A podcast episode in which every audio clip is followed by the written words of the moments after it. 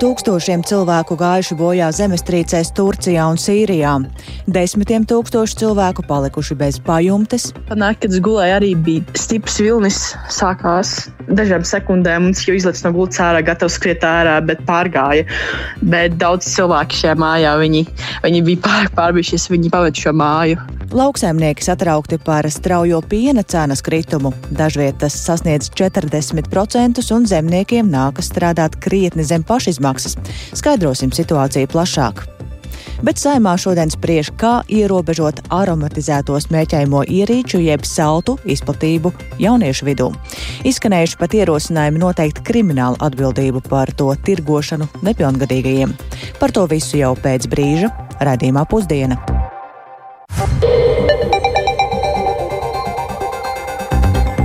Piecas minūtes pāri 12. un programmu turpina raidījums pusdienas, skaidrojot šīs dienas 7. februāra notikumus studijā Dācis Semenoviča. Esiet sveicināti! Nu jau zināms par vairāk nekā 5000 bojā gājušo cilvēku zemestrīcēs Turcijā un Sīrijā. Vēl desmitiem tūkstošiem cilvēku ir ievainoti. Katastrofā izdzīvojušie apkārt valdošo postaži ir salīdzinājuši ar apakalipsi. Zem sagravušo ēku drupām joprojām atrodas tūkstošiem cilvēku, kuru glābšanas un meklēšanas darbos ir iesaistījušie iesaistījušies vietējie un ārvalstu speciālisti, tomēr atsevišķos katastrofas rajonos palīdzība joprojām nav ieradusies, un vairāk par to ir gatavs stāstīt kolēģis Uldis Česbergs, kurš man pievienojas studijās. Sveiks, Uldi! Jā, labdien! Jā, jau vairāk nekā diennakti Turcijas dienvidu austrumos un arī Sīrijas ziemeļos turpinās centieni atrast izdzīvojušos zem neskaitāmo sagrauto ēku gruvešiem un eh, glābšanas darbos, eh, piemēram, Turcijā piedalās ne tikai vietējo un ārvalstu glābšanas dienestu profesionāļi, bet arī tūkstošiem brīvprātīgo, kuri ir gatavi ar kailām rokām atbrīvot grūvēšus cerībā atrast vēl kādu izdzīvojušo. E, sociālajos tīklos ir publicēti daži video, kuros ir redzami patiešām brīnumaini izglābšanas gadījumi, kad no drupām ir izdevies izvilkt dzīvus cilvēkus, taču šādu gadījumu diemžēl nav daudz. Un eksperti norāda, ka glābēji sacenšas ar laiku, jo kopš pirmās zemestrīces ir aizritējušas jau vairāk nekā 24 stundas. Un, ja zem drupām vēl atrodas izdzīvojušie, tad viņu izredzes palikt dzīviem strauji sarūk, jo šie cilvēki cieš no ūdens un skābekļa trūkuma. Turklāt ir jāņem vērā, ka Turcijā un Sīrijā pašlaik ir ziema un naktīs gaisa temperatūra var noslīdēt arī zem nulles, tāpēc zem gruvešiem esošajiem draud nosalšana. Zemestrīcēs viena no vissmagāk cietušajām ir Hatajas province Turcijas pašos dienvidos, un tur ir sagrauti tūkstošiem ēku, zem kurām ir aprakti cilvēki, bet tikai šonakt provinces lielākajā pilsētā pilsētā Antakjā ieradās pirmie glābēji un palīdzības sniedzēji, jo ir nopietni bojāts vietējās lidostas skrejceļš un uh, vairāki autoceļi, kas ved uz pilsētu. Un provinces iedzīvotāji sociālajos tīklos neslēpj dusmas uz varas iestādēm un sūdzas, ka viņi jūtas pamesti likteņa varā. Un uh, paklausīsimies kāda Antakjas iedzīvotāja teikto. En fazla sağlığa ihtiyaçları var. Şu bir de şeye. Cilvēkiem visvairāk vajag medicīnisko palīdzību. 70% ēku ir pārvērtušās drupās, visapkārt ir tikai drupas. Taču līdz šim rītam neviens necentās sakopt šo postažu. Viņi tikai nesen ieradās. Mēs viņiem neesam prioritāti, jo viņi nezināja, ka situācija šeit ir tik slikta. Viņi to saprata tikai vēlāk. Tagad viņi ir sākuši piegādāt visu nepieciešamo no veselības ministrijas Ankarā. Jā, un situācija Sīrijā ir vēl drūmāka, jo projām notiekošā kara dēļ tur ir uh, sarežģīti koordinēt glābšanas darbus un palīdzības sniegšanu, jo īpaši provincēs, kuras kontrolē dumpinieki, un pat par spīti notiekošajiem uh, glābšanas darbiem uz Sīrijas un Turcijas robežas. Šodien ir notikušas jaunas apšaudes starp turku spēkiem un Sīrijas kurdu kaujiniekiem. Tas man pagaidām jaunākais par notiekošo Turcijā un Sīrijā.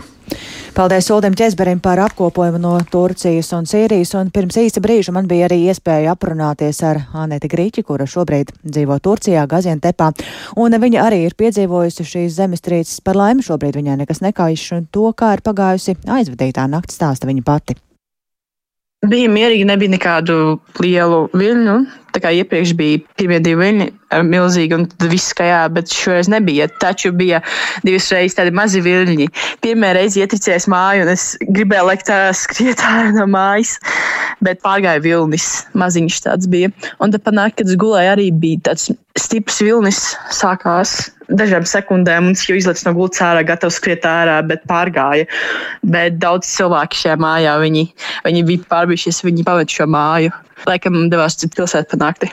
Es esmu diezgan drošs, ka mēs esam tikai divas personas, kā šeit vēl divas personas bez mums, lai gan mums ir kāda 5 vai 4 stāv māja šeit. Un kāda tā tālākā sajūta? Paliksiet vai brauksiet kaut kur projām arī paši? Paliksim šeit. Mums šīs ielas, kas šeit ir diezgan drošas, cik tā sapratu. Es redzēju video klipus šīs pilsētas gazetēm, citas mājas sabrukušas, bet mūsu rajons ir diezgan labs arī izturīgā mājā. Mums nebija tik traki postījumi. Un šeit man ir projekts. Es esmu Erasmus projektā tagad, un es nevaru nekur baigi daudz doties citām pilsētām. Mums, mēs dzīvojam tomā universitātē, un tur cilvēki dodas kā kuriem mājas sabrukuši, un, ja vajadzība ir tāda vieta, ir mums zināma. Šeit ir Gazantepā ļoti liela pils, kas arī sabruka 2000 gadus vecs, cik es sapratu. Es tur tieši nesen biju arī tur paspēju apskatīt, un tas arī ļoti žēl, un daudz cilvēku miruši. Teiksim, mums personiski, paldies Dievam, nav nekas ievainots. Psiholoģisku atbalstu gan vajag. ja grūti gulēt tagad. Šodien kādi plāni? Nav īpaši plāni. Teiksim, varbūt mēs iesim ārā apskatīt kādu tālāk. Mēs iepriekš izgājām ārā, apskatīties tuvākās ielas, un nav mājas mums tumā sabrukuši, bet mēs gribam arī vēl paskatīties apkārt, kur ir vairāk mājas sabrukušas, redzēt, varbūt ir un nomierināties, atpūsties šodien. Tā Anita Griča no Gazientepas Turcijā, un mēs turpināsim sekot līdzi notiekošajiem tur par to vairāk arī raidījumā pēcpusdiena. Bet vērtējot mazumtirgotāju un piegādātāju ikdienas sadarbību Covid-19 ārkārtējās situācijas laikā konkurences padome tirgus uzraudzībā ir konstatējusi, ka mazumtirgotāju un piegādātāju ikdienas sadarbībā liela problēma ir netaisnīgas un nepamatotas sankcijas. Tās abu pušu sadarbību padara nelīdztiesīgu, bet vairāk šajā tematā ir iedziļinājusies kolēģi Zana Eniņa, kura šobrīd pievienojas studijā. Sveika, Zana! Sveiki! Jā, konkurences padomu šodien izplatījusi informāciju, ka ir saskatījusi dažādus riskus mazumtirgotāju un piegādātāju attiecībās. Tā kā līgums starp veikaliem un preču piegādātājiem satur komercnoslēpumu, netiek izpausts, par kuriem tieši tirgus dalībniekiem ir runa. Bet ir zināms, ka konkurences padomi ir pieprasījusi informāciju no astoņiem mazumtirgotājiem un papildus ieguvusi ziņas arī no 13 piegādātājiem un piegādātāju asociācijām, kas apvieno lauksaimniecības un pārtiks preču piegādātājus. Var minēt, minēt, ka runa ir par veikaliem, kuros pārdod pārtiku. Konkurences padomu uzsver, ka līgumos nav pārkāpts negodīgas tirzniecības prakses aizlieguma likums, taču mazumtirgotāja rīcība jau balansē uz riska robežas. Un tas, kas padomē ir šķitis eh, nepieņemami, ir ļoti bargās soda sankcijas piegādātājiem, piemēram, par neievērotiem termiņiem vai eh, nepilnīgu preču piegādi. Un paklausīsimies, ko teica konkurences padomas negodīgas tirzniecības prakses novēršanas nodaļas vecākā eksperta Svetlana Sitņikova. Tas sankciju apmērs ko mēs esam secinājuši, tirgus uzraudzība ir vērtējums kā ekonomiski nozīmīgs un atkarība no piegādātāja lieluma. Viņam piemēroto līgumsodu vērtība veido desmitus tūkstošus vai pat miljonus eiro.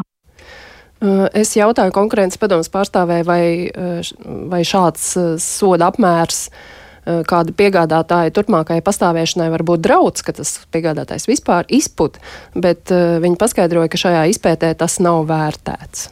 Un kā šīs soda sankcijas ietekmēs mūsu, nu, tā teikt, parastos pircējus? Jā, uh, nu, piegādātāji dažkārt paši ir arī preču ražotāji, un viņiem nāks domāt, kā kompensēt zaudējumus. Un tad parasti šīs summas var atspoguļoties preču cenās, un mums, kā pircējiem, gala produkts izmaksā dārgāk. Un kas notiek tālāk, vai konkurences padomu var kaut kādā veidā ietekmēt, um, cik liels būs šīs sankcijas? Um, konkurences padome var aicināt mazumtirgotājus noteikt tādas soda sankcijas, ar kurām netiek pārkāpts uh, likumā noteiktais netaisnīgu un nesamērīgu sodu aizliegums. Paldies Zanai Eniņai par iedziļināšanos šajā tematā. Tikmēr lauksaimnieki ir satraukti par straujo piena cenas kritumu. Viens no lielākajiem kooperatīviem piena loģistika lēš, ka pāris mēnešos iepirkuma cena ir samazinājusies pat par 40%, un tas zemniekiem atkal liek strādāt krietni zem pašizmaksas. Zemkopības ministrija sola meklēt risinājums piena tirgu stabilizēšanai. Tikmēr par to, kāda pat laban ir situācija piena saimniecībās un kādus risinājumus regulārajām piena svārstībām redz kooperatīvi. To plašāk Sintīs Ambotas ierakstā. Mums ir 170 slaucamas govis un visam saimniecība, kas no 92. gada ir izveidojusies no vienas slaucamas govs. Dienvidu kurzemes novada zemnieku saimniecības birzītes viens vadītāja Vizmas Silenietis atzīst, ka ilgos gadus strādājot nozarē piena cenas svārstībām ir gatava, bet šis esot straujākais kritums viņas pieredzē. Tas ir tiešām ļoti drastiski. Maksimālā cena mūsu saimniecībai bija 54 centi uz 1. septembri. Tad septembra beigās mums jau bija vēstule, ka par 4 centiem tiek samazināts, pēc 15 dienā vēl tika samazināts, un patreizajā momentā mēs esam saņēmuši vēstuli, ka mums piena cena ir 34 centi. Mēs nododam pa divām dienām gandrīz 10 tonnas. Protams, ka mēs bijām ļoti priecīgi, ka bija šie 54 centi, jo mēs patiešām varējām strādāt un varējām remontēt kūtis un bijām arī plānojuši lielāku remontu, un tas nozīmē, ka būs tagad tāda stagnācija, tā es varētu pateikt. Kooperatīva piena loģistika vadītājs Agris Ludriksons stāsta, ka pienu nodod vairākiem pārstrādātājiem gan Latvijā, gan Lietuvā, lai pārdalītu riskus. Taču neskatoties uz to, piena cena arī kooperatīvu biedriem pēdējos mēnešos kritusies par vairāk nekā 40%. Mums zem 30 piena kooperatīvam ir, ko saņemam. Ja bija virs 50, bija mums pat Tā kā šis laiks ir jāiztur, viņš ļoti pat nepatīkams. Un sevišķi jau tie, kas ir ieguldījušies, viņiem jau nav varianti. Saistības pret visiem, tiem, kam ir ilgtermiņa līgumi, ir labāk tā situācija tiem pašlaik mazliet. Lai arī šobrīd zemnieki masveidā piena lopu ganāmpulkus nelikvidē un saimniecības neslēdz, tomēr nestabilitāte atsevišķām saimniecībām liek mainīt nodarbošanos. 21. gadā novembrī mēs pārtraucām piena ražošanu, izvedām pēdējās piena devējas no fermas. Ievalda Peizenberga no Salacgrīvas puses tagad audzē graudus, ko jau darīja paralēli piena lopkopībai. Pēc teju 30 gadu darba tieši no piena nozares saimniecība gan atteicās, jo nevarēja to attīstīt esošajā vietā, kā arī neprognozējamās piena cenas veicināja ģimenes lēmumu. Manuprāt, galvenais iemesls, kādēļ lopkopība vidusmēra un mazajās saimniecībās pazūd, ir ilgstošos gados nespēja sasniegt eh, vidusmēra dzīves līmeni saimniekiem un darbiniekiem. Tas stresa nepārtrauktais augstais līmenis, nu, kad tu jā, esi parādos līdz ausīm un atkal krīt cena augšā, tad tā ir daļai pašu zemnieku vaina, jo nav joprojām kārtīgas kooperācijas vienā pagastā un uh, zemkopības ministrija nav mērķtiecīgi gājusi uz to, lai veicinātu tiešām stabilas, kārtīgas piena kooperācijas attīstību. Lauksaimniecības kooperatīva asociācijas piena grupas vadītāja Mirdze Feldmane vērtē, ka saimniecības ir dzīvotspējīgas, ja par pienu var saņemt vismaz Eiropā vidējo cenu, kā tas bija pērn. Viņa prognozē, ka arī šī cenas krituma dēļ daļa mazāku saimniecību šo slogu neizturēs. Pēdējā nedēļa ir tāda, kad es vienkārši no telefona neatēju. Es saprotu zemniekus un es nevaru viņiem neko palīdzēt, jo nav tirgus, kur šo pienu pašreiz likt. Ja tiešām saka pārstāv, ka viņiem noliktavas ir pilns līdz lūpai, tad varbūt valsts jātaisa intervences kaut kādas iepirkumi vai kas. Nu jāmeklē risinājums. Šī problēma kaut kur līdz jāņem ar vilksies. Manā skatījumā no akūtākie risinājumi valdības līmenī skatīties, kurš ir vainīgs plauktu cenā. Vai iziet, teiksim, no pārstrādātāja augstā cenā, vai tirdzniecība liek ļoti augstus procentus. Tieši tam ir mums valsts kontrole, kas to var izkontrolēt pēc pavadzīmēm. Latvijā no pārstrādē iepirktā kopējā piena daudzuma tikai 35% tiek izmantoti vietējo produktu ražošanai, bet pārējo svaigpiena vai produktu veidā eksportē. Pārstrādātāji norāda, ka piena iepirkuma cena ir atkarīga no situācijas Eiropā, kur pat laban izveidojies sviesta, sauso produktu un industriālo piena produktu uzkrājums. Kā rezultātā mazinājies to pieprasījums un cena. Sinti Ambota, Latvijas radio. Valdība beidzot tikusi līdz šī gada valsts budžeta likuma projekta skatīšanai. Parīt to plāno iesniegt saimā. Un varam paklausīties, ko kolēģiem Martai Skujai un Laurim Zvejniekam finanšu ministrs Ārvils Ašarādens no jaunās vienotības šorīt sacīja par budžeta galvenajām prioritātēm. Kopējā valdības, ja koalīcijas vienošanās, ka ekonomikas transformācija ir tas galvenais uzstādījums šim budžetam, un tika noteiktas piecas prioritātes - valsts drošība, izglītība, enerģētika un klimata pārmaiņas, konkurētspēja un dzīves kvalitāte. Ja man jāprasa, tad, protams, ka šī ekonomiskā transformācija ir šis galvenais narratīvs šajā budžetā, bet es gribu teikt, ka drošība ir pati primārākā patiesībā šajā lietā. Mēs esam veltījuši milzīgu uzmanību, lai reaģētu uz to, kas notiek Ukrajinā, un arī sagatavotu valsts pienācīgi. Kā ar tām pārējām prioritātēm? Veselība arī ir bijusi ļoti augstā prioritāšu sarakstā. Veselībai kopumā ir paredzēti gandrīz 80 miljoni. Šeit ir paredzēts īpašs finansējums cīņai ar vēzi, tāpat tās ir bērnu aprūpēji, atsevišķiem pakalpojumiem. Ir domāts par algu celšanu nozarē, un šoreiz galvenais akcents ir likts veselības aprūpes personālam, kurš līdz šim ir saņēmis mazāk. Tie ir sanitāri un māsiņas. Kur šajā budžetā parādās šī ekonomiskā transformācija? Nodokļi jau netiek skatīti. Nodokļus mēs esam vienojušies, ka mēs skatīsim vienreiz četros gados, tas politiskā cikla laikā. Jā, un kur tad šeit ir tā uh, transformācija ekonomiskā? Tad, ja mēs skatāmies kopumā, ekonomiskā izaugsmē ir Latvijas valstī pieejama ļoti liela fondu aploksne uh, investīcijām. Tātad šobrīd plānotais apgūves apjoms ir 1,3 miljārdi eiro visdažādākajos projektos. Un, uh, tātad šie ir šīs ekonomiskās transformācijas projekti. Īsumā vēl budžeta deficīts. Cik tas liels būs? Budžeta deficīts kopumā ir 4,2%. Un, protams, tas jāsamēro ar uh, valsts parādu. Valsts parāds šobrīd faktiskais parāds ir 42%. Mēs esam ielikuši augšējo robežu 45%. Tātad valstī ir šobrīd jāpārfinansē šis parāds. Nemitīgi mēs viņu pārfinansējam. Katru gadu šobrīd ir jāpārfinansē 2 līdz 3 miljardi eiro. Un atkarībā no tā, kāda veidosies situācija finanšu tirgos, jo šobrīd finanšu tirgi ir ļoti sarežģīti. Mēs redzam, procentu likums aug ļoti strauji.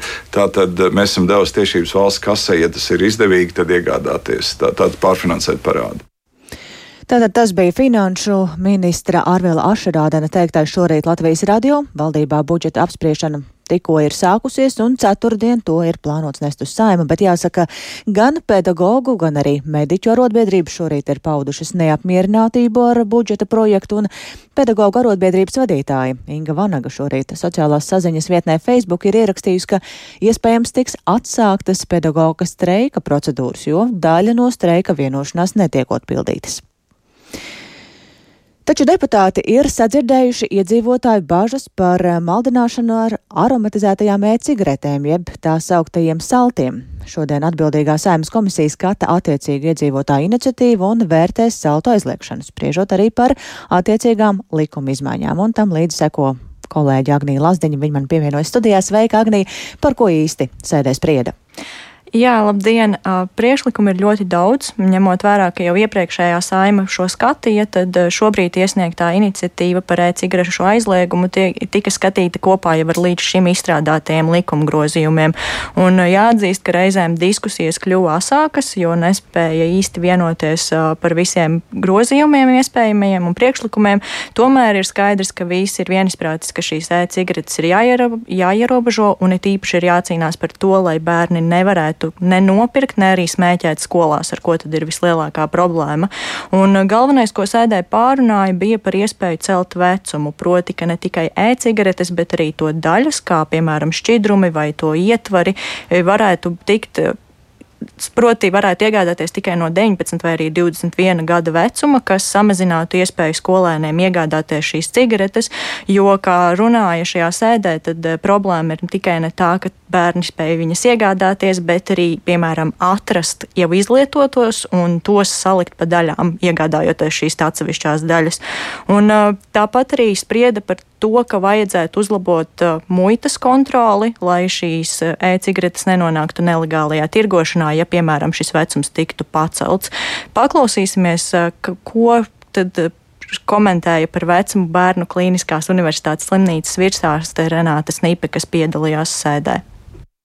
Viennozīmīgi mēs esam par to, ka ir jāaizliedz šiem alternatīvās smēķēšanas ierīces ar dažādām garšām, jo tas ir ātrākais ceļš, lai bērni pat ļoti mazā vecumā gribētu mēģināt, un kā šobrīd rāda pieredze, kā liecina skolotāji, skolu direktori, tā ir milzīgi plaši izplatīta problēma, ar ko šobrīd mēs nespējam cīnīties.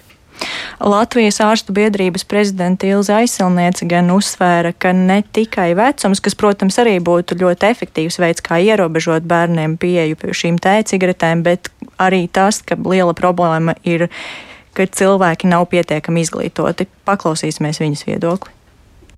Un visefektīvākais veids ir izglītošana par veselību, cilvēku zināšanas par savu veselību un veselību pratību, kam skolās mēs nevaram atrast laiku šai mācībai jau pēdējos 19 gadus kopš 2004. gada.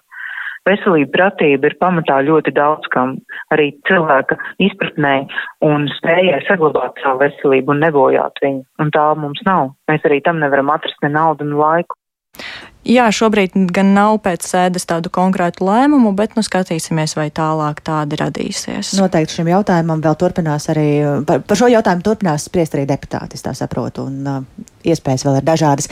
Savā ziņā, jā, par tādu drošību, bērnu drošību. Uh, spriež deputāti un um, par drošību internetā un arī savu ieguldījumu veidot labāku interneta vidi. Mūsu nākamais temats, jo jau 20. gadu pēc kārtas Latvijā un daudz vietu pasaulē šodien ir drošāka interneta diena. Latvijas drošāka interneta centrs Droši internets LV, iesaistot bērnus, jauniešus un pieaugušos, organizē daudzveidīgas aktivitātes visā Latvijā, tāpēc pie telefona klausos šobrīd mana šī centra vadītāja Māja Katkovska. Labdien! Labdien! Cik tad zinoši mēs esam šobrīd par drošību internetā, ja mēs runājam gan par bērniem, gan jauniešiem, gan arī gal galā pieaugušajiem?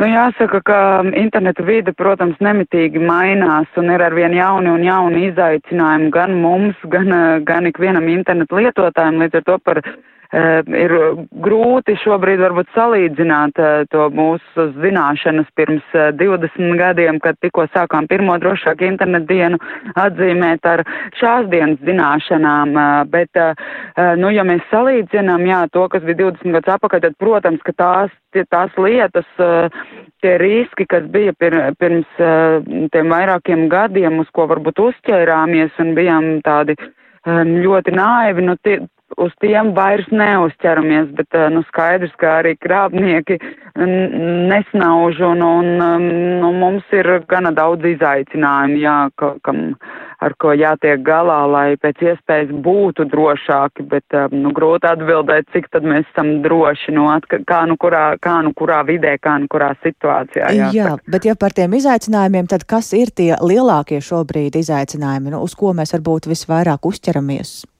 Kur vislielākās kļūdas? Jā, nu, ja mēs runājam par bērnu drošību internetā, tad uh, bērniem uh, šie, vislielākie izaicinājumi ir tieši saistīti ar viņu privātumu internetu vidē.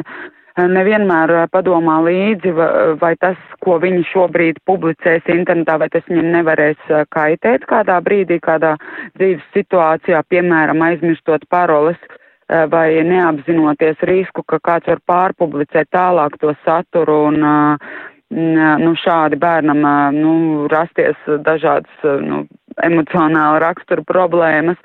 Tad par, arī par vienaudžu saziņu, nu, ka vēl tomēr um, ir gana augsts šis uh, kibermobbinga risks, uh, nu, ne tikai Latvijā, bet arī visā Eiropā. Un arī par to, protams, ir daudz jārunā uh, gan ar cietušajiem, gan ar varmākām, gan ar tiem, kas vienkārši no malas um, noskatās. Nu, savukārt pieaugušajiem tāds izteiktākais um, risks, ko mēs uh, nu, novērojam, uh, tomēr par tādu par daudz vieglprātīga uh, interneta satura uztveršana, ka būtībā, ja es to redzēju fotografijā, vai ja es to redzēju video, vai ja es to kaut kur izlasīju, nu tā ir jābūt patiesībai. Nu, cilvēki, diemžēl, nevelta laiku Jā. uh, pārbaudīt informāciju. Jā, un šim visam var vērst uzmanību ar dažādām aktivitātēm, kas tad šodien arī noteikti ir paredzēts, kādas tās ir. Jā, mēs esam, mums ir, mēs uzsākam sociālo kampaņu, tu esi tas, ko tu dari arī internetā, kur sadarbojoties gan ar tekstu autoriem, gan ar mūsu jauniešu padomi un jauniešu vidū populāriem digitālā satura veidotājiem ir izstrādāti kampaņas video, kā arī mācību materiāli, tiešsaistes testi, viss ir pieejams droši internets LV mājaslapā un skolas bibliotēkas ir aicinātas arī paši organizēt un jau šobrīd mums ir pieteikts vairāk nekā 170 aktivitātes, vairāk nekā 150 vietās visā Latvijā, un tiešām mēs redzam, ka skolas un bibliotēkas ļoti aktīvi organizē paši savus pasākumus. Un liels paldies, protams, visiem entuziastiem, kas palīdz mums rūpēties par, par cilvēku drošību, par bērnu drošību internetu vidē. Jā, paldies droši internets LV vadītājai Mājai Kotkovskai. Tātad drošība internetā ir tā lieta, par ko šodien runājam, jo šodien jau 20. gadu ir drošāka interneta diena visā pasaulē, tā skaitā arī Latvijā, brīdinot gan bērnus, gan jauniešus, gan pieaugušos. Un ar to arī skan redzījums pusdiena. Producente Ilze Agīnta ierakstus montēja Uldis Grīnbergs, par labskaņu rūpējās Katarīna Bramberga un ar jums sarunājās Dācis Semenoviča. Īsi par svarīgāko, nu jau zināms par vairāk nekā 5000 bojā gājušo cilvēku zemestrīcēs Turcijā un Sīrijā. Valdība beidzot tikusi līdz šī gada valsts budžeta likuma projekta skatīšanai. Latvijas radio ziņām un arī šim raidījumam var sekot līdzi arī sociālajos tīklos un raidierakstu platformās. Yeah.